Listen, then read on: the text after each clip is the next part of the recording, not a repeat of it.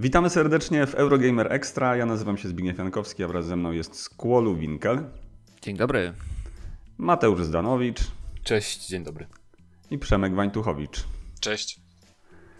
Y, cześć, dzień dobry. Y, tak w sumie zastanawiam się, jak rozpocząć ten temat, bo mm, no właśnie, nie, nie to, że w sumie tak, można by powiedzieć, że jestem trochę nieprzygotowany, ale, ale nie, nie, nie, tylko myślę, jak objąć go myślami, bo to jest tak y, duża rzecz w sumie, można powiedzieć, czyli zakup y, finalny, już zakup przez Microsoft Bethesdy. I w sumie mm, od razu trafiły wszystkie gry, może nie wszystkie, ale większość tych, tych największych, tych najpopularniejszych trafiły do Game Passa.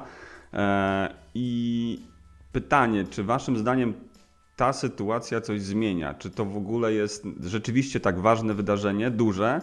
I w kontekście y, tego wydarzenia, jak może to wpłynąć ogólnie na y, sytuację związaną z ekskluzywami? Bo wiemy już, że y, prawdopodobnie niektóre tytuły Bethesdy będą na wyłączność Xboxa i PC-ta. Z kolei odpowiedź Sony też z pewnością będzie no jakaś będzie. I teraz pytanie jaka? Więc e, co wy o tym myślicie? Po pierwsze właśnie o tym, o tym zakupie e, Bethesdy przez Microsoft. Hmm. No, wychodzi o to, że Microsoft y, w końcu przechodzi do ataku chyba, tak mi się wydaje.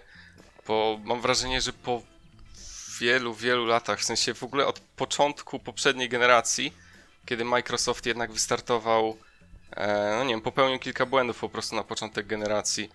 E, tam była ta kwestia odsprzedawania gier, jakby e, jakby przedstawiania Xboxa do, jako narzędzia, które jest też telewizorem. Jakby te kilka, te kilka błędów też zaważyło na tym, jak ta później generacja się potoczyła. Mam wrażenie, że to jest, że to kupno Bethesdy teraz to jest taki pierwszy naprawdę mocny, dobry atak ze strony Microsoftu, w ogóle jestem strasznie zdziwiony, naprawdę, autentycznie, że Microsoft chce jednak e, niektóre gry z, uczynić ekskluzywami, bo jakoś do końca wierzyłem, że po prostu tak nie zrobią. Mimo, że wy chyba wszyscy mieliście w sumie to zdanie, ale ja stwierdziłem, że, że nie, że tak nie zrobią.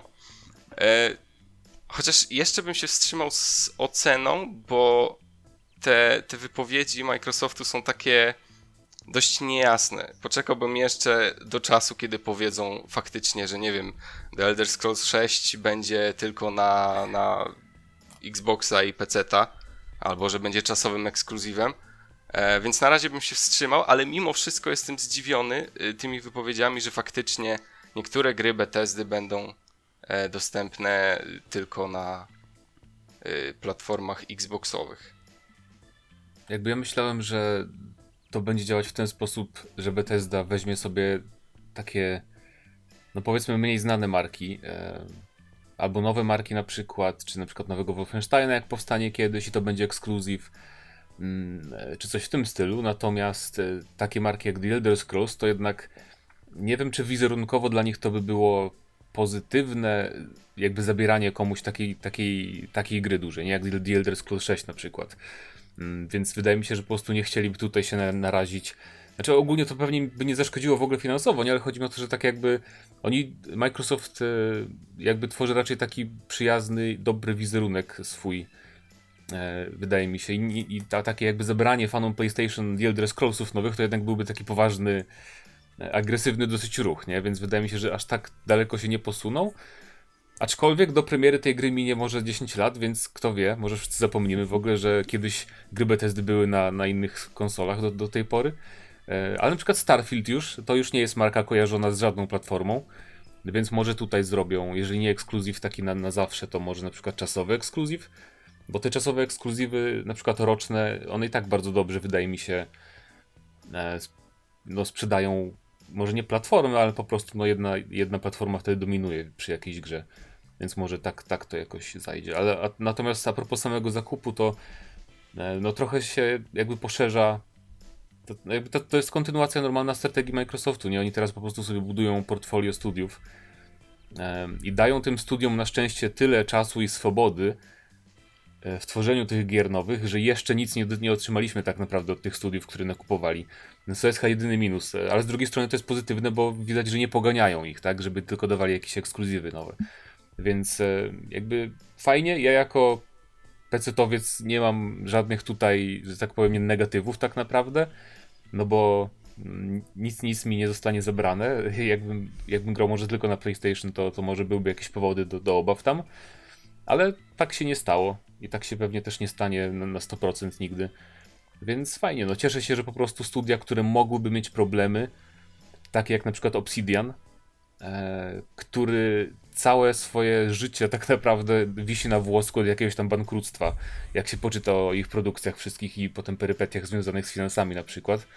Więc, że takie studia po prostu będą miały teraz trochę może więcej spokoju do, do tworzenia naprawdę dobrych gier, bo oni potrafią zrobić dobrą grę, jak mają budżet i czas, więc e, jestem raczej pozytywnie nastawiony do tego wszystkiego. Dla mnie to jest troszeczkę powrót do korzeni, tak naprawdę. E, bo moje skojarzenie z pierwszym Morrowindem to jest właściwie fakt, że grałem na PC, e, a druga styczność z Morrowindem była za czasów pierwszego Xboxa, który, no, tam Morrowind wyszedł. E, to jest ciekawostka, którą mało kto wie, ale tak, dało się grać w Morrowinda na Xboxie, więc mhm. fakt, że obecnie mm, to ponownie będzie w jakiejś formie ekskluzywem, no nie stanowił u mnie jakiegoś powodu do paniki, czy, czy, czy, czy nie wywołuje reakcji z cyklu, o nie, biedne Sony obrabowane.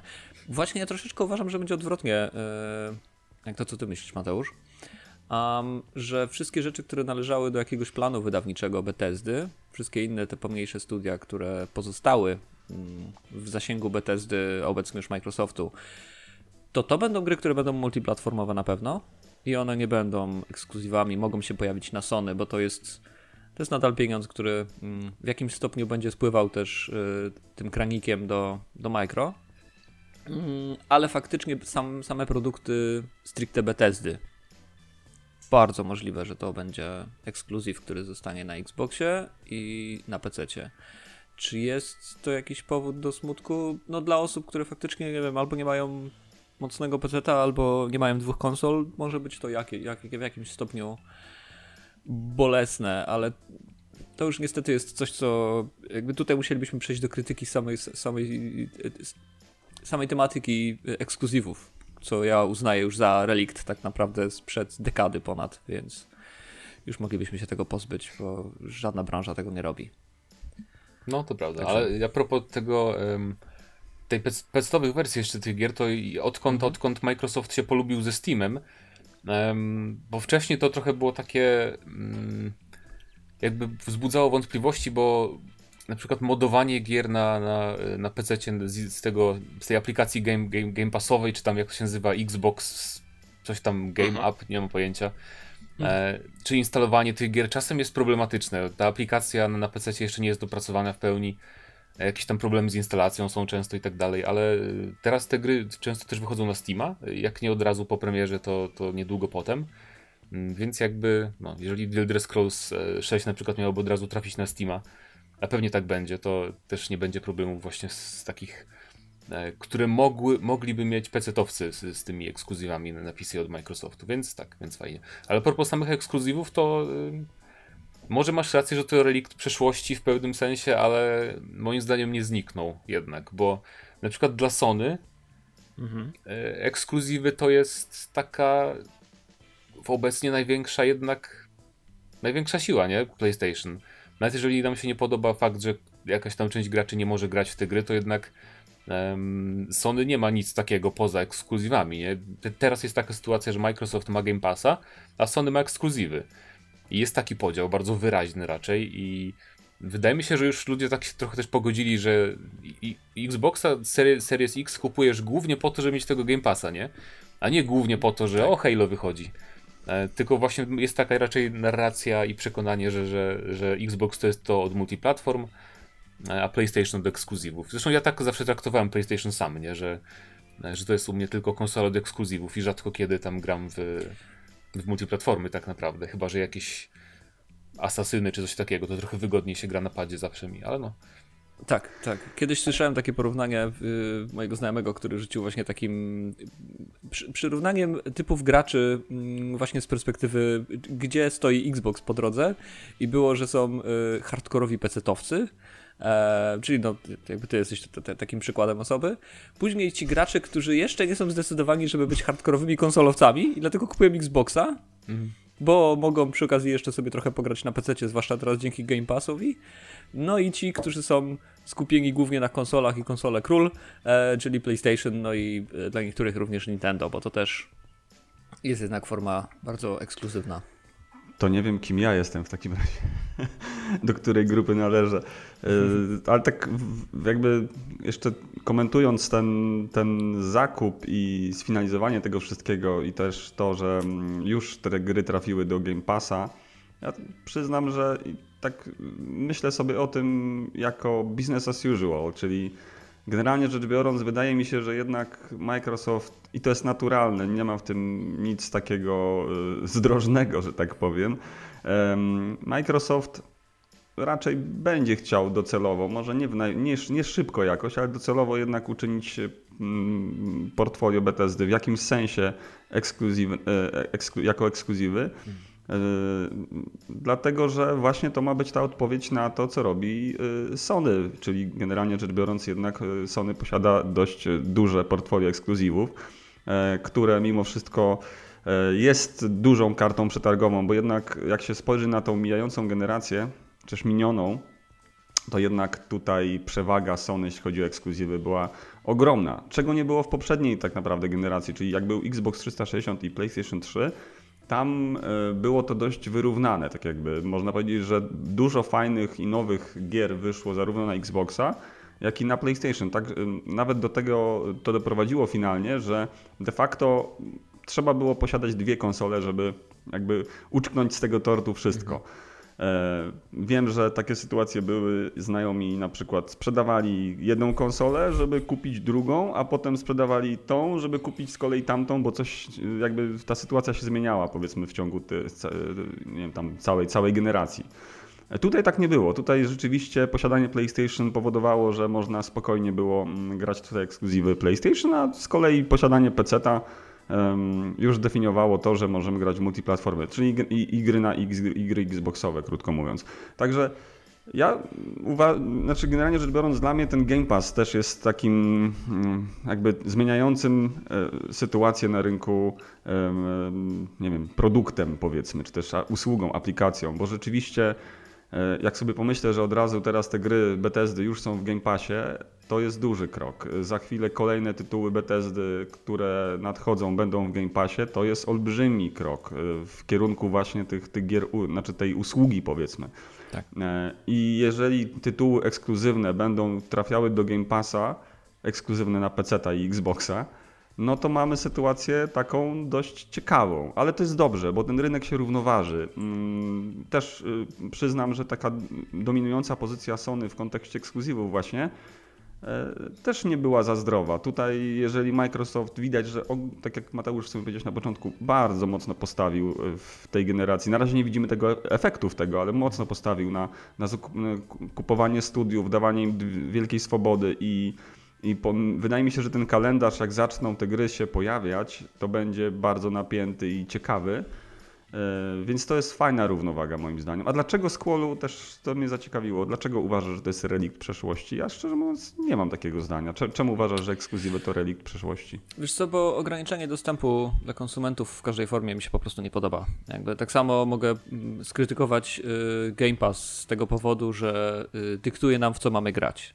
Bo mimo, no dobrze, że paleta jest szeroka, to jednak mhm. y, oni dyktują co kiedy wchodzi, kiedy wypada i to nigdy nie czujesz, że to jest twój produkt, e, a jednak fajnie byłoby mieć tą możliwość, więc ja osobiście uważam, że No ale podobnie mamy sytuację, wiesz, y, pomiędzy nie wiem, Netflixem a HBO Go, czy tam Disney+. Oczywiście, Tak, ale I... jakby jaki jest efekt końcowy? Efekt końcowy jest taki, że wygrywa y, przedsiębiorca, przegrywa konsument, który właściwie musiał płacać trzy abonamenty, żeby mieć tak. dostęp do pełnej, pełnego to wachlarza. I to jest dokładnie Więc to. Chodzi tylko o to, że nie, nie pasowało chyba to stwierdzenie, że relikt przeszłości, nie? Bo jednak to teraz z tym streaming no, tym, relikt bardziej przeszłości, to... bo jak, e, tak, tak, chodzi mi bardziej o to, że dla mnie to jest jakby coś, co od zawsze było przy konsolach i, i zawsze było, no, były tak. te kłótnie. PlayStation, Xbox i tam dzieciaki się no biły. Właśnie, jakby, to jest, mam wrażenie, teraz to jest, tak, po co? Jakby że to jest tak głęboko zakorzenione, że tego nie da się jednak pozbyć. Jak nawet czytamy sobie komentarze zawsze pod, pod jakimiś tematami właśnie związanymi z ekskluzywami, to no to przecież zawsze są te wojny. W sensie, ja też, tak jak ty, Squallu, chciałbym, żeby to był relikt przeszłości, ale chyba nie jest i mam wrażenie, że Microsoft e, jakby zorientował się, że chyba to nie jest jednak relikt przeszłości, bo, bo e, mam wrażenie, że oni postawili właśnie na e, na taką inkluzywność, jakby e, troszkę, y, troszkę może, nie wiem, za, za słabo się skupili na, na właśnie produkcji swoich gier w tej generacji, mhm. e, ale zobaczyli, że Sony w ogóle nie, w ogóle jakby nie odpuściło. Tylko Sony jeszcze bardziej docisnęło, jeszcze bardziej dołożyło do pieca, stworzyło naprawdę fantastyczne e, gry ekskluzywne i mam wrażenie, że, że Microsoft troszeczkę będzie się teraz wycofywał powoli z tej swojej właśnie takiej, e, takiej inkluzywnej, powiedzmy, e, tej strategii. I że po to jest jakby zbrojenie się, po to jest e, kupowanie tych wszystkich studiów, żeby jednak powoli tak, jakby nie od razu, nie chcą powiedzieć, że ej, w sumie to jednak pomyliliśmy się i w sumie jednak będziemy robić te eksy, tylko tak powolutku, powolutku i za parę lat mam wrażenie, że jakby bardzo zbliżą się te strategie jednak Microsoftu i Sony. Jasne, chociaż to jest zabawne, że nawet y, to, co mówisz, jakby nie wiem, czy zwróciłeś uwagę, ale stosujesz cały czas metafory konceptualne. Mówisz o wojnie, o zbrojeniu się, o wiesz, jakby o ataku cały czas. A mhm. prawda jest taka, że my gracze wcale nie walczymy. To duże firmy walczą i one nas wciągają w tą wojnę. A prawda jest taka, że jeżeli. Dlaczego myślę o tym z perspektywy reliktu przeszłości? Bo prawda jest taka, że największą radochę w 2021 obecnie mi sprawia fakt, że mam kilku znajomych rozsianych po różnych konsolach i mogę sobie na, na spokojnie cross-platformowo grać z tymi ludźmi. Mhm. Czy na zasadzie cross-save'ów, czy, czy na, na zasadzie cross-progresji. Jakby znajomy gra na Xboxie w Destiny, to przeskakuję na Xboxa i gram z nim w Destiny tym samym, jakby tą samą postacią, którą mam na PlayStation. E, inny no dobra, znajomy ale... siedzi na, w No Man's Sky na PC. Wczoraj go odwiedziłem na przykład i zaraz po chwili odwiedziłem drugiego na Xboxie, grając samemu na PlayStation to jest dla mnie jakby przyszłość gamingu. Niepodzieleni platformami, każdy używa platformy takiej, jaka jest dla niego wygodna albo no jaką tak. lubi, nie wiem, czy z preferencji pada, czy właśnie tych powiedzmy ekskluzywów. Ale żeby gry multiplatformowe były dostępne dla wszystkich, żebyśmy mogli czerpać tą największą radość, jaką jest właściwie bycie społecznością graczy, a nie podzieloną właśnie tutaj na wojny. Już, już no jasne, tylko kłócić tutaj też. Tylko też sytuacja wygląda tak, że konsole są bardzo, bardzo zbliżone do siebie. Moc jest praktycznie taka mhm. sama, e, funkcje są bardzo podobne, więc nie wiem, tak sobie myślę, właściwie co miałoby decydować o tym, na co się decyduje? Czy decyduje się na Xboxa, czy, de czy decyduje się na PlayStation? Dlatego Czysta preferencja. Dla, dlaczego kupisz Audi albo dlaczego kupisz BMW? Bo podoba ci się samochód, bo podoba ci się jego design, albo po prostu masz jakiś sentyment do nazwy i chcesz być tym człowiekiem, który jeździ BMW. Tylko to. Ja bym powiedział, że nawet e, brak ekskluzywów byłby fajny z punktu widzenia właśnie projektu konsol, nie? Bo by się tu producenci mhm. musieli starać, żeby te konsole oferowały coś, e, co je wyróżni, nie? Tak naprawdę. I dlatego tak. Switch jest fajny. E, bo to, oczywiście też ma ekskluzywy i jakby Nintendo bardzo mocno jedzie ekskluzywami, ale chodzi mi o to, że to jest jedyna, e, to jest najciekawsza platforma dla mnie obecnie. E, pod względem konsoli, nie? nie gier, tylko tego, jak konsola jest zrobiona sama w sobie, że mogę sobie grać przynośnie, albo cykse wstawiam i gram w telewizorze, nie? Do, do doka, więc to jest coś naprawdę takiego ym, next-genowego, można by powiedzieć, nie? Że jednak ta technologia taka hybrydowej konsoli to jest coś bardzo takiego, no, pomysłowego i fajnego. Więc e, ja dlatego w ogóle lubię Nintendo, nie? Że oni często tak proponują jakieś różne e, ciekawe rozwiązania, nawet jeżeli to im się nie do końca udaje finalnie, jak z Wii U zrobili. To Dokładnie. nie do końca była przemyślana konsola może. E, ale no, Nintendo to w ogóle jest osobny, ciekawy temat, e, bo oni są firmą, która wydaje mi się pod wieloma względami są bardzo, bardzo do tyłu, jeżeli chodzi o online na przykład. e, infrastrukturę sieciową i takie rzeczy bardzo, bardzo podstawowe dla nas dzisiaj. Ostatnio. Dopiero ostatnio niedawno tak przecież Ostatnio rewolucja. próbowałem z kolegą y, zagrać w Splatoon. I byliśmy po prostu w totalnym szoku, że tam nie ma żadnego jakby sensownego matchmakingu. Tak. Nie ma w ogóle. Y, znaczy, żeby rozmawiać w party, to trzeba się połączyć przez telefon, przez aplikację. Mhm. Albo po prostu. Ale my robimy tak, że po prostu wchodzimy na Discorda i. No wiadomo, no. Tam Mamy nawet włączonego kompa, że, w sensie trzeba mieć włączonego kompa, żeby się porozumiewać na Switchu, który masz obok. Mhm. Tak. Ale już ten, już, już oddaję ci głos. Tam nawet nie ma przecież w Splatunie zaproszenia znajomych, nie? Nie, nie ma czegoś Nie takiego ma, prostego, że klikasz na znajomego i pyk zaproś do party. To jest po prostu... W No, ogóle w, w tym, w, na YouTubie są tutoriale, w jaki sposób, w którym momencie klikać, żebyś miał szansę, że, że dostaniesz się do meczu z twoim znajomym. Także to właśnie tak a Tak. propos tego, tego powiedzmy takiego za, zacofania troszkę tak Nintendo. jest. No, no, no, ale... No, już nie pamiętam, co chciałem powiedzieć. Mówiłem, że była rewolucja ostatnio, jak wprowadzili cloud save'y. O, chyba w, Tak. w, jak niecałe dwa lata temu. Nie, zapis w humorach, rewolucja. Ale tak... a, a, a co, co do grania w, obecnie w chmurze? Bo Switch też to wprowadził i dla mnie to jest y, coś, coś rewolucyjnego po stronie Nintendo, bo oni nigdy się w takie rzeczy nie bawili, a teraz możesz odpalić kontrol na Tak, Switchu. tylko właśnie oni to robią trochę dziwnie, no bo tak, y, takie jakby losowe gry dają, nie? W tym streamingu. Y, nie ma żadnej. Ja, by- ja bym bardzo na przykład chciał zobaczyć e, aplikację GeForce Now na Switchu. Bo telefon jest dla mnie za mały, żeby grać e, jakby wygodnie w wiele gier. A na przykład jakby zrobili apkę GeForce Now na Switcha, no to już mm, większy ekran, jakby kontroler od razu masz podłączony. Więc coś w tym, mam nadzieję, że Nintendo się otworzy trochę na, na te zewnętrzne firmy. Już nie mówię, żeby Microsoftowi dawali, bo to jest jakby konkurencja większa niż, e, niż taki e, GeForce właśnie. Ja nie wiem, Ale czy to GeForce Now nie ma za szerokiego wachlarzu y, gier, i, a Nintendo lubi mieć kontrolę nad tym, co wpuszczają, mimo wszystko. Niby Jakby tak, ale To jest jedyna konsola, która nadal ma najdłuższe lotczeki i bardzo pilnują tego, jaki tak, tylko produkt przeglądając eShop czasem nie wiem dlaczego tak jest, bo tam są też gry, Ja przyznaję, ja też nie. no właśnie, więc różnie bywa. Ale jeszcze chciałem tak w sumie, i pewnie będziemy trochę o tym też mówić, nawiązać, wrócić trochę do Game Passa. Em, ponieważ ostatnio widziałem takie, to nie są w ogóle, to, to nie są jakby domysły żadnych analityków czy coś takiego, ale zauważyłem, że część ludzi e, uważa, że Game Pass mógł, mógłby trafić na PlayStation na przykład, albo na Switcha. E, I czy wy w ogóle uważacie, że coś takiego jest możliwe? I czy to by się komukolwiek opłacało poza Microsoftem? Bo właśnie często jakby czytam znajomi, którzy właśnie gadamy czasem o grach i się pojawiają takie, takie przewidywania, że no to już niedługo Microsoft może wprowadzić coś tam Game Pass na, na, na PlayStation. Hmm. I właśnie tak się zastanawiałem, czy to miałoby jakikolwiek sens dla PlayStation. Bo chyba nie bardzo, nie? Bo jakby dlaczego mia- mieliby wpuścić do siebie na, na, na konsolę No i Tak. nie miałoby też chyba sensu dla Microsoftu, no bo jednak to jest jakaś tam karta przetargowa dla, dla PC-ów i dla No Xboxa, tak, tylko nie? właśnie jest taka. I w sumie to jest też zrozumiałe, że dużo osób teraz uważa, że dla Microsoftu już się nie liczy konsola. Yy, konsola jest gdzieś tam niżej, a najważniejszy teraz jest Game Pass właśnie dla Microsoftu, nie? No tak, Przede no pod wszystkim. tym Więc... względem faktycznie. Ale Ja myślę, tym że momencie- cały ten ekosystem, mm, który Microsoft tworzy, jest jakiś. Jest, jest to dosyć przemyślane.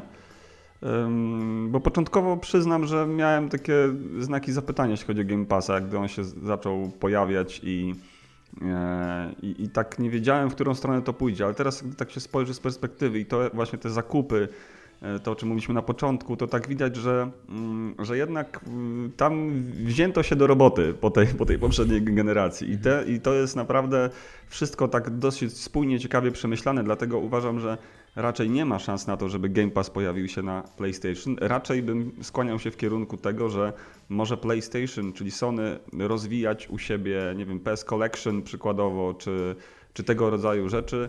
E, PS Plusa, który widać teraz też jest troszeczkę wzmocniony, chyba mm, te, w sensie liczba tytułów, nie? Także tutaj bym szedł w kierunku tego, że Sony być może będzie próbowało stworzyć konkurencyjną usługę dla Game Passa. Nie wiem w jakim stopniu e, to się może udać, ale e, na pewno, bo, bo tak samo jak było w przypadku Netflixa, tak pozycja dominująca Netflixa przez wiele lat, okazało się, że jednak budowanie konkurencyjnych mm, platform jest ciężkie, ale udaje się, tak? Mamy HBO Go, e, mamy tam teraz ten Disney Plus, podobno bardzo mega, mega popularny, tak? Ileś tam 100 milionów, czy ileś tam ludzi subskrybuje i też też już Disney jest tak zadowolony, że ogłosili, że będzie ileś tam filmów rocznie e, produkował i seriali. Więc e, tutaj wydaje mi się, że podobna sprawa i nawiązując do tych ekskluzywów, e, czy też gier na wyłączność, mówiąc po polsku, to mam wrażenie, że właśnie wręcz wchodzimy w taki mm, w taki okres, gdzie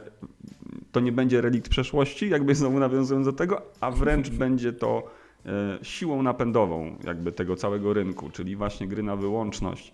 I być może z takimi czasowymi, mm, czasowymi na przykład e, ekskluzywami, że, że dajmy na to nawet duże marki, duże gry trafiają na daną konsolę i potem po roku, ten rok jest taki dosyć fajny, bo, bo nie jest to za długo ani za krótko, że tak powiem, E, więc wydaje mi się, że to, że to właśnie w tym kierunku będzie szło, że jednak docelowo będziemy mieli te ekskluzywy.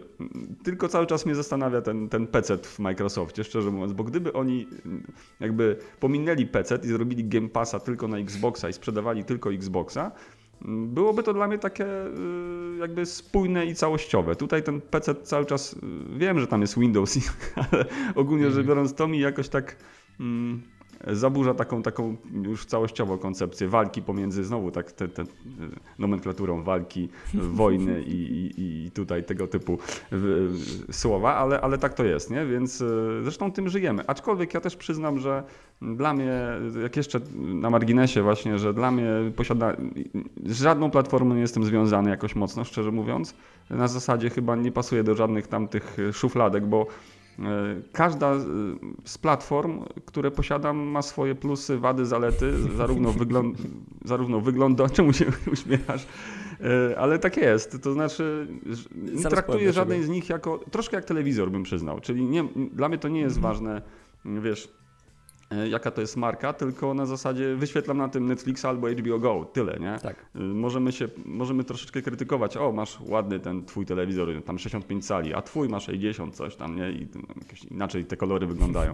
Ale to jest tylko tyle, natomiast, e, nie wiem, Assassin's Creed Valhalla gram na Xbox Series X i, i, i, cały czas jakby włączam, uruchamiam i to jest w ogóle fajne, że można to pudełko tak szybko przenosić, to mi się bardzo podoba. To znaczy pomiędzy pokojami podłączam sobie bardzo szybko do monitora, gdy mam taką potrzebę, lub bardzo szybko do telewizora. Z PlayStation jest, jest ten kłopot, że to jest troszeczkę większa konsola i jakby jest ustawiona, przynajmniej u mnie w ten sposób, że ciężko mi już ją tam przenosić. A to pudełko jest fajne tego, tego Xboxa. A gdy mam potrzebę, na przykład wczoraj y, dość dużo czasu spędziłem na PC w, w, grze, więc też to nie jest problem, nie? Także ja w ogóle, mnie to w ogóle jakby tam kwestia wojny konsol jakby nie interesuje z perspektywy gracza oczywiście, bo z perspektywy naszej tutaj spotkań to na pewno. Super.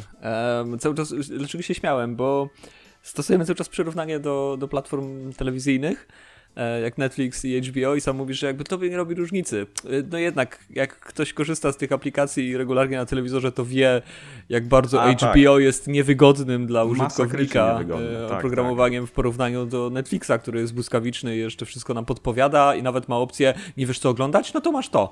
Więc jakby sam nam wrzuca coś, ale tak, idąc ale dalej to już tą metaforą. Zauważ, to już kwestia, zauważ, nie telewizora, tylko tych tylko platform. samych, a, to, dokładnie, platform. Aplikacji, no. I, HBO i, Go idąc, jest fatalne na, na telewizorze jeżeli, jeżeli chcemy to przyrównywać faktycznie, te konsole i te usługi i jaki byłby sens, żeby Game Pass był też na PlayStation, ja widzę tylko jedną opcję, bo zacząłem aż myśleć jakby co, czemu mam wszystkie obecnie trzy platformy dostępne, bo mam i Amazona, i Netflixa, i HBO. Tak wiem, zwariowałem, nie mam czasu na oglądanie, a jednak mam.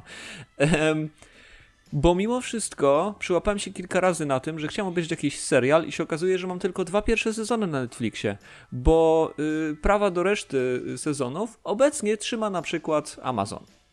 Albo jeszcze są na HBO Go, więc jak chcę kontynuować, to muszę niestety skakać pomiędzy platformami i mam wrażenie, że tutaj też jakby jedynym sensownym rozwiązaniem, jeżeli byśmy zakładali taki scenariusz, że nagle Xbox Game Pass, nazwany po prostu Game Passem, wylądowałby na PlayStation i miałby podobną paletę tytułów, to tutaj myślę, że to będzie też takie trochę zarzucanie wędki, że na PlayStation będą lądować na przykład pierwsza część, jakiegoś tytułu konkretnego. Na przykład załóżmy Mass Effect 1, jak będzie tylko w pasie na PlayStation, chcesz kontynuować swoją przygodę, savey ci przeniesiemy, nie ma problemu, ale musisz kupić Xboxa, bo to będzie już tylko i wyłącznie na Xboxie albo na PC. I myślę, że to może wyglądać w ten sposób, że będziemy y, my wodzeni za nos jako, jako konsument, e, żeby jednak y, przeskoczyć w jakiś taki bardziej naturalny sposób do, do tej platformy, która jest jakby statkiem matką, więc Ale masakryczne były wtedy ogłoszenia, ogłoszenia o Game Passie, bo już teraz mamy podział na Androida, tak, PC tak. i konsole, a wtedy było jeszcze Game Pass na PlayStation. Jeszcze no ja właśnie przyłapuję się na tym, że chciałem zapytać na początku podcastu, czy, czy na Xboxie też będzie Morrowind, bo, bo, bo, nie jestem pewien, a jeszcze nie przeczytałem newsów na ten temat i już tutaj pytanie do ciebie i do ciebie Mateusz i do ciebie Przemek, czy, czy będzie, eee, czy nie eee, będzie? Zaraz ci powiem. No, powiem ci, że Morrowind jest na PC i konsolę. Oblivion jest też na PC i konsolę. Hmm.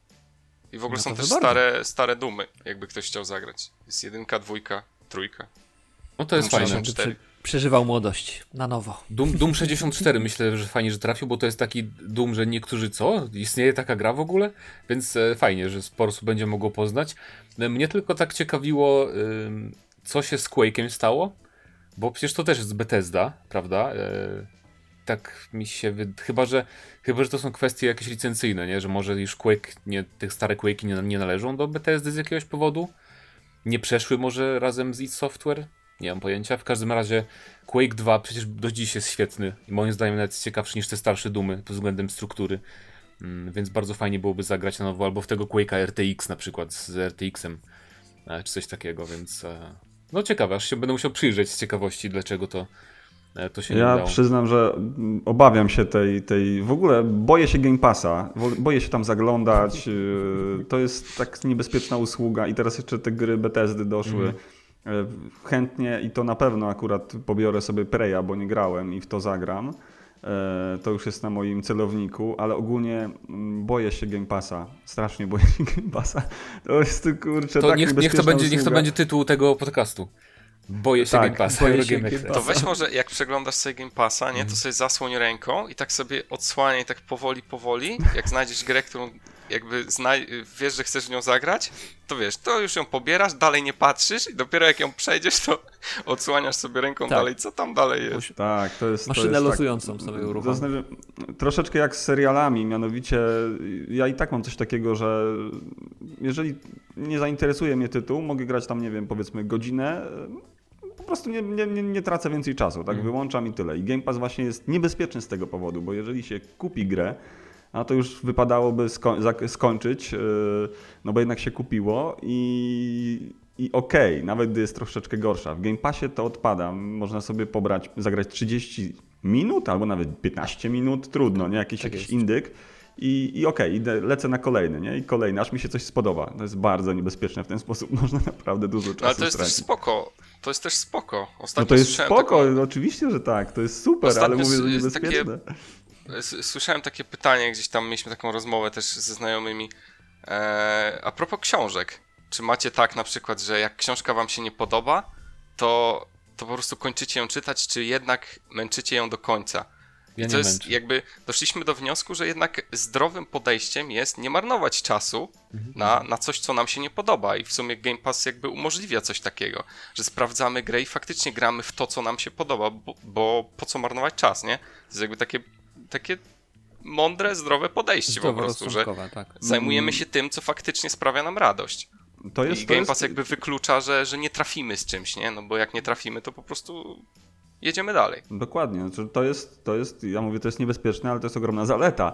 E, jeśli chodzi o książki, to ja mam taką zasadę, że około 100 stron zawsze czytam i jeżeli po 100 stronach, czyli to jest taki powiedzmy taki dla mnie wyznacznik, jeżeli po 100 stronach jest, jest dalej nieciekawy, to, to, to, to nie czytam dalej, chyba że mam do czynienia z jakimś dziełem wybitnym, które chcę poznać w całości. Wtedy tak. No i to myślę, że przy grach też tak działa. Jeżeli wiemy, że mamy do czynienia z tytułem e, nie wiem, jakiegoś utalentowanego, dużego studia i jest to tytuł, który trzeba poznać lub warto poznać, to jednak do końca, mimo że czasami na przykład jest, jest gorzej gdzieś tam, nie? Ten początek. No, no mhm. tutaj, ale też, też w sumie są już aplikacje, jeśli chodzi o e-booki na przykład, Legimi, taka platforma, gdzie można sobie wziąć abonament i, i ściągać e-booki w nieskończoność, także i czytać w sumie na bardzo podobnej zasadzie właśnie jak, jak Netflix, czy właśnie jak Game Pass, także no jesteśmy w tej, tej rzeczywistości tych, tych abonamentów i E, niekończących się w sumie,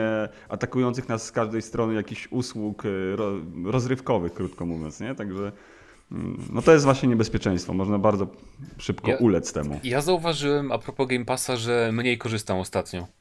Bo jak zaczęło wychodzić trochę więcej nowych gier, też na inne platformy, e, to rzadko tam zaglądam i tak naprawdę e, nie pamiętam kiedy ostatnio włączyłem coś z Game Passa, a mam do września chyba aktywny abonament.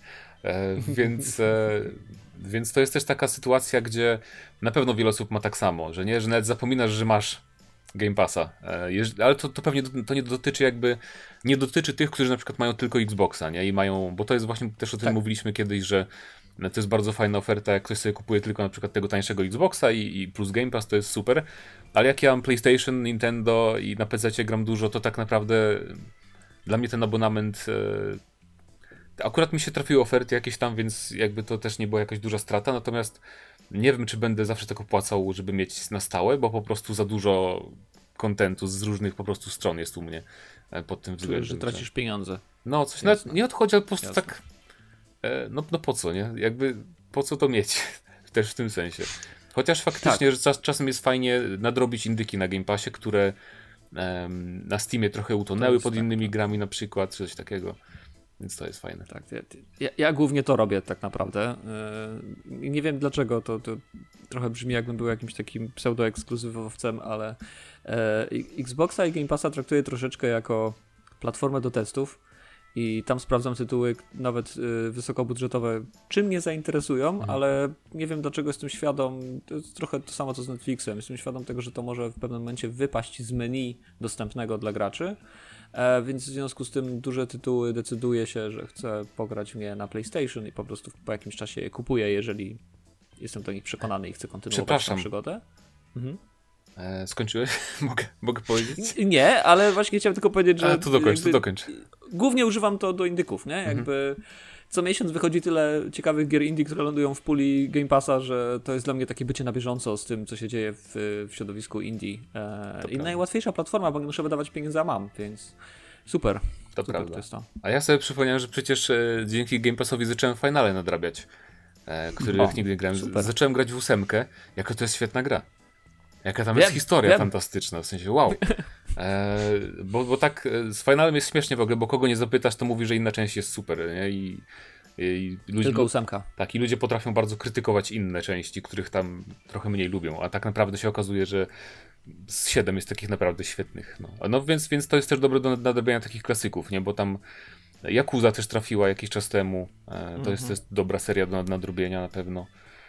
No, ale tak. No, jak już tak opowiadamy takie świetna. personalne historie o tym, jak Game Pass pomógł nam w życiu, to ja mogę powiedzieć, że ja dzięki Game Passowi na przykład sprawdziłem Sea of Thieves, które za, za, Super. za pełną cenę raczej bym nie kupił, bo No. nie byłem przekonany, ale właśnie Game Pass jest super do sprawdzania takich gierek, takich...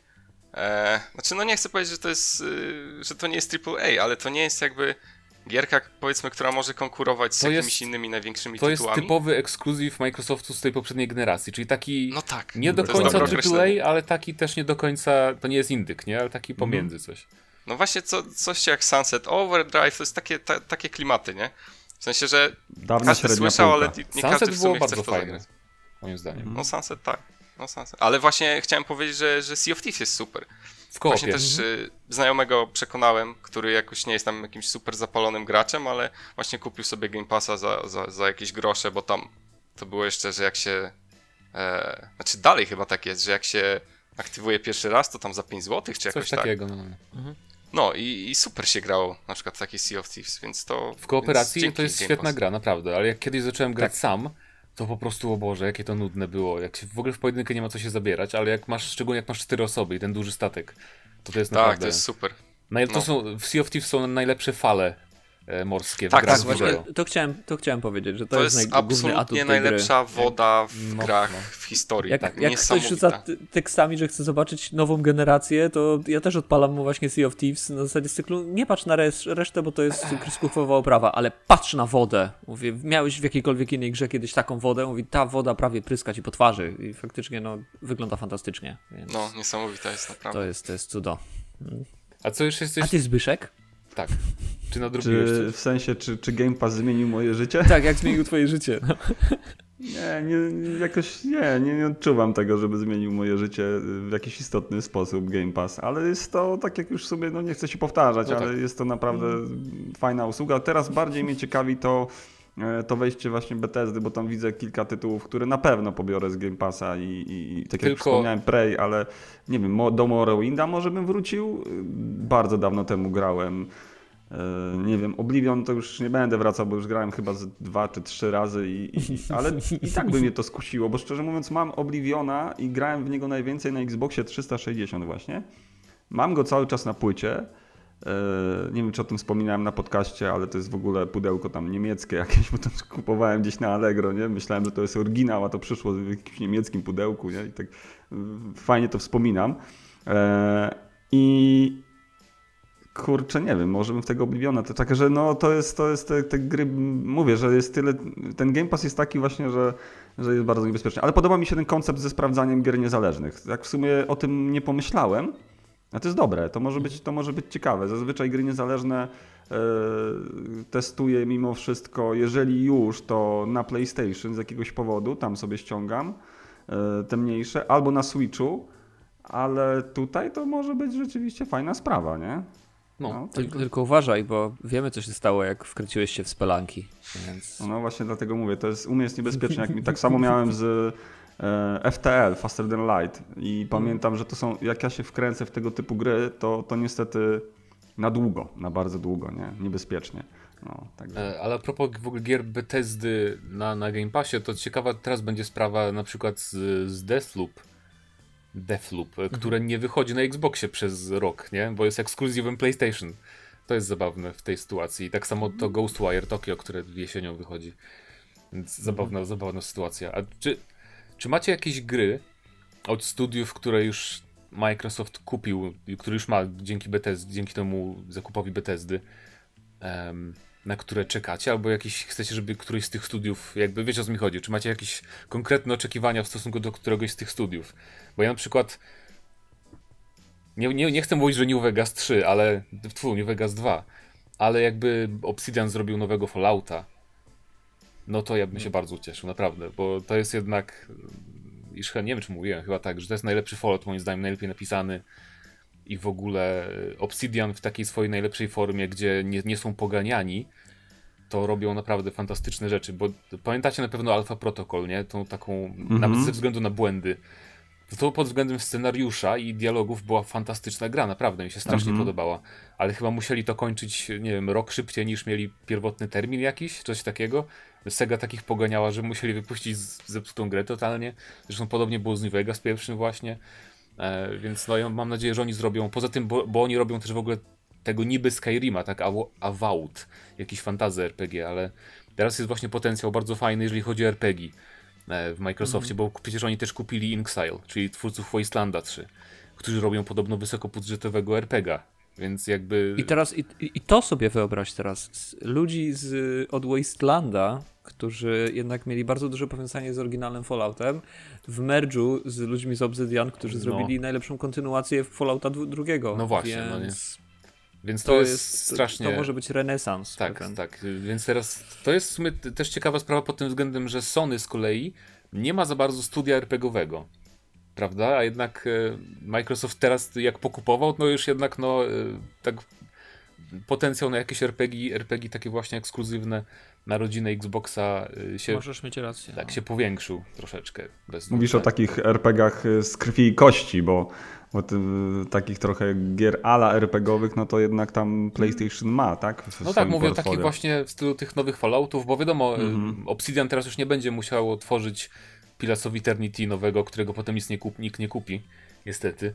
Em, tylko będą mogli stworzyć właśnie grę y, no wysokobudżetową po prostu, prawda? Bo ja wierzę, że oni gdyby mieli pieniądze, to wcześniej też by stworzyli na przykład coś bardziej rozbudowanego niż te Pilarsy, ale po prostu wiedzieli, że muszą polegać na Kickstarterze tylko.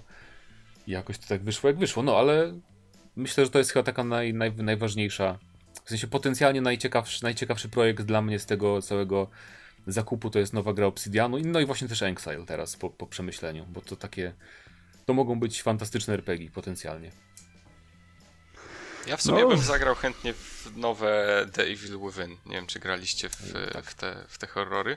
One są takie jakby niedoceniane, w sensie rzadko jak się pyta kogoś, jaki jest ulubiony horror growy, to rzadko ktoś odpowiada Evil Within, ale to są naprawdę świetne gry. Tak. I właśnie mhm. czekam na trójkę, bo dwójka jakoś tam eksperymentowała z... E, z tego co widzę, dwójki nie ma w, teraz w Właśnie to mnie zdziwiło, że z jakiegoś powodu nie no. wrzucili. A dwójka mi się... Ja nie wiem, czy tam nie ma kwestii Square, Square Enixowej. Ale to nigdy Square Enix nie...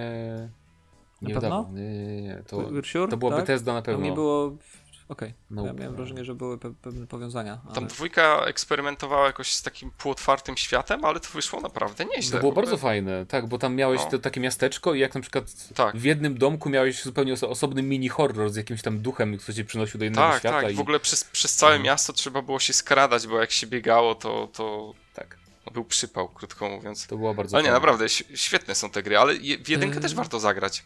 Tym bardziej jak ktoś nie chce jakichś tam półotwartych światów, no to jedynka jest taka bardziej liniowa z tego co pamiętam. Ale warto na pewno sprawdzić w Game Passie. No to właśnie chciałbym trójkę. No ja z takich rzeczy mniej, no. mniej znanych. E, taka ciekawostka, to jest to samo studio, które zrobiło Ghostwire Tokyo, tak. o którym mówiliśmy, że jest obecnie ekskluzywą na PlayStation, więc tak, więc może tutaj jest jakieś, jakaś przyczyna, nie wiem, szukam. Szukasz Kto powodu. wie, kto wie, ale Dishonored 3 na przykład, Microsoftowy taki. A, no właśnie, właśnie. Tak. No, Dishonored to jest taki, ten świat ma taki potencjał. E, w ogóle w tym świecie istnieje cały kontynent, tam jeszcze taki, o którym jest mnóstwo informacji w grze, jak sobie poczytacie, takie jakieś notatki i tak, tak, dalej. Więc to ma masakryczny potencjał. I to też, to też jest dobry przykład y, Arkane Studios, bo oni właśnie te, oni zrobili tego Preya, tak? E, Dishonored 2 te gry się nie sprzedały jakoś rewelacyjnie, nie? One były fantastyczne, ale z jakiegoś powodu gracze ogólnie chyba nie przypadają za, nie wiem, za nietypowymi settingami, bo nie widzę innego powodu, dla których te gry nie odnoszą większych sukcesów sprzedażowych. E, właśnie Dishonored Znaczy może w ogóle za skradankami. Chociaż tam no niby to... można jakoś tam walczyć, ale jednak głównie te gry są kojarzone z, ze skradaniem? No może. Nie wiem, myślę, że to jest, to jest problem. Bo jakie, ma, jakie masz inne skradanki teraz? Wysokobudżetowe. No masz rację. Żeby, żeby porównać, czy, czy inna skradanka, wiesz, lepiej sobie poradziła. Jakoś nie, nie, jakby nie wpada mi nic do głowy. W sumie tak, ale to też nigdy nie było marketingowane jako skradanka. Oni właśnie to zauważyłem, że Dishonored 2 no. często był tak pokazywany, że patrzcie jaka rozwałka fajna z mocami. No, Dokładnie. chodziło no o tak, story też, tak. nie? Ale trochę racji masz. Ja, trailer.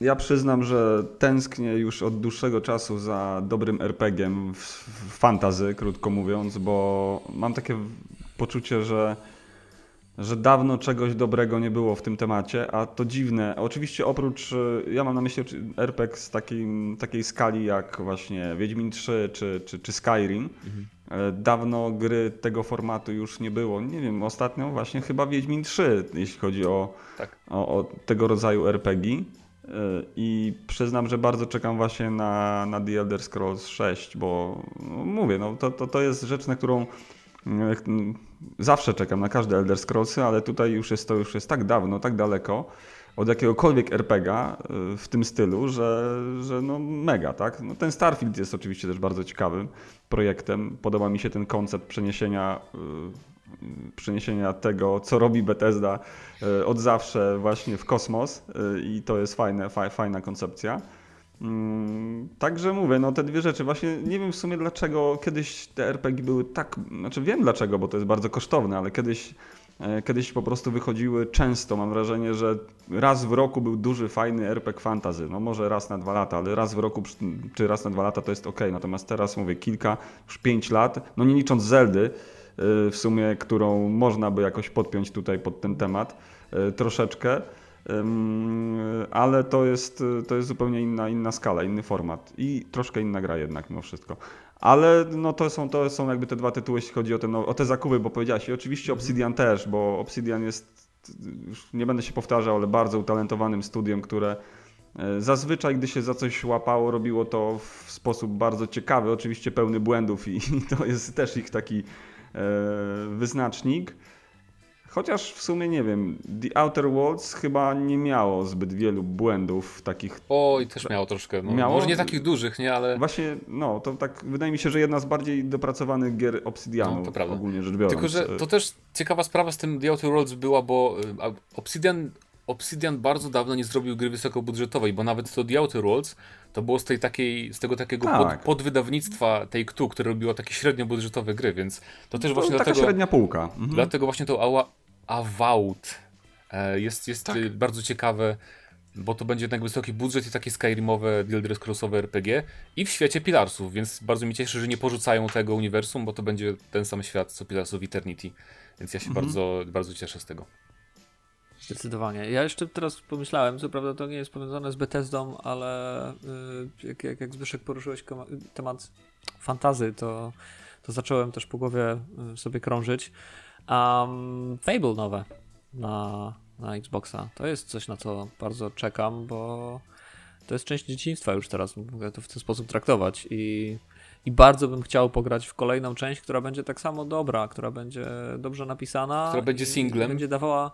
Która będzie singlem, Mhm. to po pierwsze, tak, zdecydowanie, bo tego się boimy. Mm, ale żeby ta opowieść trzymała się kupy, bo, bo jednak ten świat jest fantastyczny i, i chciałoby się znowu pokopać kurczaki i e, nie wiem, e, wyhodować rogi, bo jest się złym, tak stereotypowo złym. To, to było fajne. To Super gra, to było. naprawdę. Też, też kojarzę Fable bardzo dobrze i jedna z moich ulubionych gier w tamtym czasie. Eee, nie pamiętam już w którą część najwięcej grałem. Ale ostatnio właśnie, to jest, i to chyba w Game Passie pobierałem jakiś czas temu. Któreś Fable, tak mi się kojarzy. To chyba jest jedynka A może odświeżona jakaś tam. Anniversary Edition. Mhm. O właśnie, ale mimo wszystko dosyć. A, tak, dokładnie. Tylko, że to było jakiś czas temu i kojarzę, że e, nie było to za dobre. Nie było to za dobrze zrobione. I, i, i ten archaizm e, pozostał i nieciekawie się w to grało. Tak. To właśnie jedna z tych gier, które po godzinie czy po dwóch e, odpuściłem, żeby nie tracić czasu. E, Więc tak, no Fable fajna, fajna, fajna sprawa. A kiedy, na kiedy to jest w ogóle? To już jakąś ma premierę? Czy... Nie jest zapowiedziane jeszcze. Nie. nie. To jest właśnie, Także- nie wiadomo, no.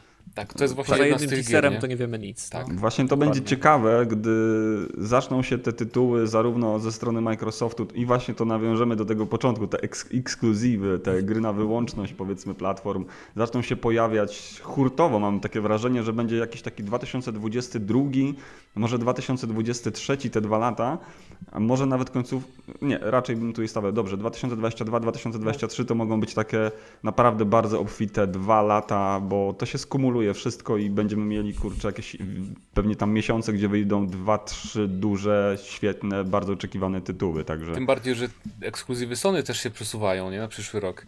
I Właśnie o tym mówię, że to się połączy, tak. To, bo, to, bo, to się... bo była taka sytuacja, że jak Microsoft zapowiadał tak bez dat te swoje ekskluzywy, nie? Że ten Out kiedyś tam będzie, Fable kiedyś tam będzie, e, to ludzie się śmiali coś tam, o patrzcie ile Sony ma ekskluzywów, e, a tutaj e, Gran Turismo się opóźniło przecież, God of War na pewno nie będzie w No. tym roku, w ogóle nie wiem czemu oni dali na, na tym teaserze datę 2021, bo to było jakieś... Chyba, że nie wiem, chyba, że naprawdę, ale nie, nie chce mi się wierzyć, że God of War nowy wyjdzie w tym roku. Nieobecność Horizona na tym State of Play też mnie trochę przeraziła. E, tego Forbidden West. Czy to też będzie opóźnione? Nie wiadomo. No, więc zobaczymy, ile tak naprawdę w tym roku. Ile razy wyłączę PlayStation 5 w tym roku. Dobrze, że ten Returnal chociaż wychodzi w, pod koniec kwietnia. To będzie jedna gra. Mhm, mhm.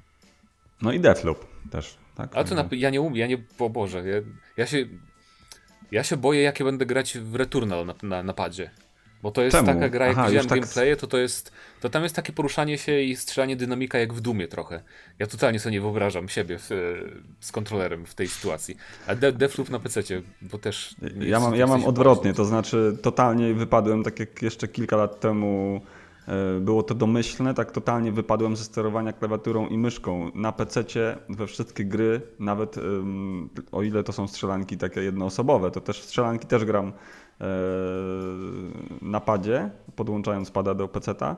Ogólnie rzecz biorąc wypadłem kosmicznie z, ze sterowania e, klawiaturą i myszką, chyba że chodzi o strategię. No, Ale inna- nawet, inna ale sprawa. nawet, nawet w taki dynamiczny jak, jak Doom właśnie też? To nie, nie We jest- wszystkie strzelanki. Jeżeli mam do wyboru strzelanki, oczywiście o ile mamy do czynienia z grą, mówię, single player, no to wtedy, Mhm. jeżeli jest multiplayer, no to wstawiam wtedy na konsolę, żeby mieć, e, żeby inni gracze mieli te, te same problemy i te same możliwości co ja. Kiedyś nawet Squallu mi fajnie pouczył, to było lata temu, gdzie ja sobie robiłem wysoką responsywność na padzie, żeby grać w sensie Mhm. e, ruch kamery na przykład bardzo wysoki, a to odwrotnie trzeba właśnie na padzie zmniejszać, zmniejszać, żeby e, lepiej celować jest jakby utrzymując pada w napadzie grając, jakby utrzymując e, w tym samym miejscu. Trudno mi to teraz jakby No tak, zobrazować, ale ogólnie rzecz biorąc przyzwyczaiłem się mocno grać na padzie w różne gry. Nie wiem, chyba od, od Destiny tak to się zaczęło, tak mi się wydaje, że w Destiny jednak, e, nie wiem, ponad 100 godzin w pierwsze spowodowało, że granie w strzelanki na padzie stało się dla mnie tak bezproblemowe po prostu, krótko mówiąc, nie? Destiny trochę uczy, przyznaję. U mnie Uczy, Destiny uczy. i Borderlands uczy y, grania na padzie. No. I mogę potwierdzić, mam kilku adeptów, którzy nie potrafili w ogóle korzystać z pada, a moja partnerka, y, która pierwszy raz w życiu przy mnie chwytała pada, y, skończyła całą trylogię Mass Effect, e, grając znacznie dynamicznie jak ja, bo ja byłem tym wariatem, który leciał na pałę z shotgunem w ręce, a ona była precyzyjna i, i nauczyła się lepiej strzelać. Mo- no, Może nie lepiej ode mnie, ale y, imponująco naprawdę, więc, No. więc da się. Da się. Mi, się, mi się niesamowicie podoba, bo gram w Sackboya z córką na PlayStation 5 i właśnie gdy zaczęliśmy pierwszy poziom, jesteśmy obecnie na ostatnim, na ostatnim jakby w ostatnim świecie, e, zaczęliśmy pierwszy poziom, nie potrafiła, to była dla niej pierwsza gra na padzie, ma 7 lat i przyznam, że niesamowicie jest obserwować jej postępy, jak ona sobie z tym padem radzi i w, w, gdzie w pierwszy poziom nie potrafiła po prostu przeskoczyć, nie? a obecnie, obecnie bardzo często musiałem ją łapać, tam jest taka możliwość, jak się gra w kooperacji, żeby tam, jak jest trudno, to łapie się tam na ten, na barana powiedzmy, nie, i, i- ten, można tam coś, coś podziałać. Nie każdą się uda tak rozwiązać zagadkę, ale, ale jest okej. Natomiast teraz nie ma takiej potrzeby, nie? Także bardzo, bardzo szybko się adaptuje. W ogóle pad jest właśnie pod tym kątem fajny, że to jest taka naturalna, nat- natu- chociaż wiem, że dla wielu osób naturalne ruchy to jest jednak myszka i klawiatura. Dla mnie z kolei to wydaje mi się nienaturalne, nie? Bardziej No, ja, naturalne ja są za często teraz, teraz gram po prostu, bo zacząłem bardzo teraz regularnie w Apexa grać e, ze znajomymi. I to już totalnie Mhm. się wsiąka, jakby w to sterowanie jednak jest zupełnie specyficzne. Chociaż chcę taki eksperyment przeprowadzić, tylko czekam aż zro, zrobią crossplay, e, przepraszam, cross progression e, w Apexie właśnie. E, Bo chciałbym zagrać na, na PlayStation, e, bo słyszałem takie opinie właśnie od paru znajomych, że jest łatwiej wygrać e, w Apexie na konsoli, jak dużo grasz na PC na przykład, bo po prostu na konsoli jest więcej graczy, którzy może są tacy bardziej. A, jakby to powiedzieć ładnie. Niedoświadczenie. nie hardkorowi, wiecie, że tam grają czasem tylko Tak. i po prostu może łatwiej trochę. I jest większa pula też graczy tak. na, na PlayStation nie, niż na PC. Na PC grają totalni hardkorowcy e, często, że dlatego jest o wiele trudniej wygrywać, wydaje mi się, w Battle Royalach. E, więc mam nadzieję przetestować, tylko niech zrobią właśnie cross progression. E, Ale to ja- jak najbardziej potwierdzam, że tak jest faktycznie. Jakby jakby no, co nie dziwi, bo tak jak powiedziałem, więcej osób ma konsolę, więc jest większa pula skilla też, nie? Na, na konsoli. Tak, tak. Może dlatego tak tym- dobrze nam ze znajomym idzie w Splatunie. Mimo wszystko, że nie gramy na kontrolerze Pro, tylko na Joy-Conach, które są średnio wygodne, ale jakoś tak za- zadziwiająco dobrze nam idzie w tym Splatunie. Tak, tak. E, nawiązując jeszcze do pada, to y, i do poprzedniego naszego odcinka, y, y, chciałem tutaj y, odnieść się do jednego z naszych y, czytelników, y, słuchaczy, który wrzucił komentarz y, o tym, że on jak odpala gry y, Rockstara, to od razu wyłącza auto aima y, na konsoli, więc jak najbardziej pochwalam, gratuluję. Tak powinno się właśnie grać w gry Rockstara na konsolę. Czyli jednak są Super. tacy ludzie. No dobra, to zwracam Są honor. tacy ludzie. To zwracam honor w takim razie. I co? I wtedy rzeczywiście, muszę też chyba sobie wyłączyć, i wtedy rzeczywiście zmienia się postać rzeczy, jeśli chodzi o gry Rockstara? Tak. Coś, coś to daje? Tak, tak, ja, ja, ja inaczej już nie gram, tak jak mówiłem zresztą. Więc, No tak, bo jakby na auto aimie to forma.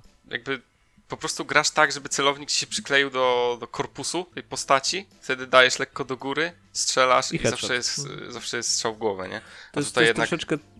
Tak było w Crackdownie, nie wiem czy pamiętasz pierwszym, e, który miał ustalone auto aim, bo agenci byli Mm. A, no super dobra, no, zabójcami. I tam było dokładnie tak samo. Najeżdżasz Tak, na tak, korpus i tylko podnosisz w górę, od razu jest headshot, nawet ci zakreślało przeciwnika Tak, głowę, tak, tak, teraz na pewno tak trafisz. I to było.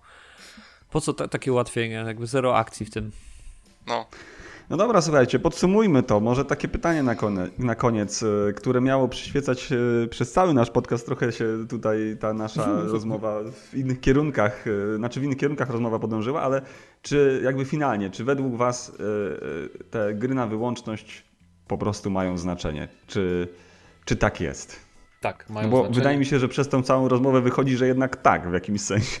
Oczywiście, czy to, czy to są gry na wyłączność PlayStation, że pudełko kupujesz 350 zł, czy to są gry w Game Passie na wyłączność, mają znaczenie, bo jakby najwięcej graczy po to kupuje jednak dane platformy, nie? Oczywiście jest też bardzo ważne dla wielu osób, czy moi znajomi mają to, czy to na przykład, ale ten crossplay też będzie to trochę niwelował, wydaje mi się, w wielu grach multiplatformowych teraz. Mm, ale mimo wszystko ja sam mam takie poczucie, że patrzę na to PlayStation i sobie myślę, Returnal tu widzę na tym PlayStation i właśnie God of War, Horizon, nie, nie myślę o grach multiplatformowych jak patrzę na PS5 który No właśnie, coś w tym jest. No to jest takie zakodowane jednak w graczach, nie? Od lat, od lat tak mamy, że jednak patrzymy na konsolę i, i zastanawiamy się, w co możemy pograć, w co nie mogą zagrać ludzie, którzy nie mają tej konsoli. I mam no wrażenie, Może nie aż że... tak, ale no, coś w tym jest, tak, to prawda. No. Taki prestiż, nie? Taki, taki prestiż platformy, że ma coś, co no, nie, ma, no. nie ma tego gdzie indziej. No i mam wrażenie, że to jest zakodowane jednak w graczach i, i nie wiem, jakoś wydaje mi się, że Microsoft próbował z tym walczyć, ale ale teraz będą powoli wycofywać się z tego jednak. Przycisną mocniej te ekskluzywy. Zobaczymy. Skłolu, coś jeszcze dodasz na koniec? Żadnych podziałów. Kochajmy wszystkie konsole i kłóćmy się o nie, grajmy w grę. No to tym e, podsumowaniem, tym finalnym e, zdaniem zakończymy dzisiaj. E, bardzo dziękujemy za, za wysłuchanie i zapraszamy do, na odwiedzanie, do odwiedzania Eurogamer.pl. Jesteśmy na Facebooku, na Twitterze. Bardzo zachęcamy do subskrypcji naszego kanału i dzięki, do usłyszenia, do zobaczenia za tydzień. Na razie, cześć. Dzięki. Na razie.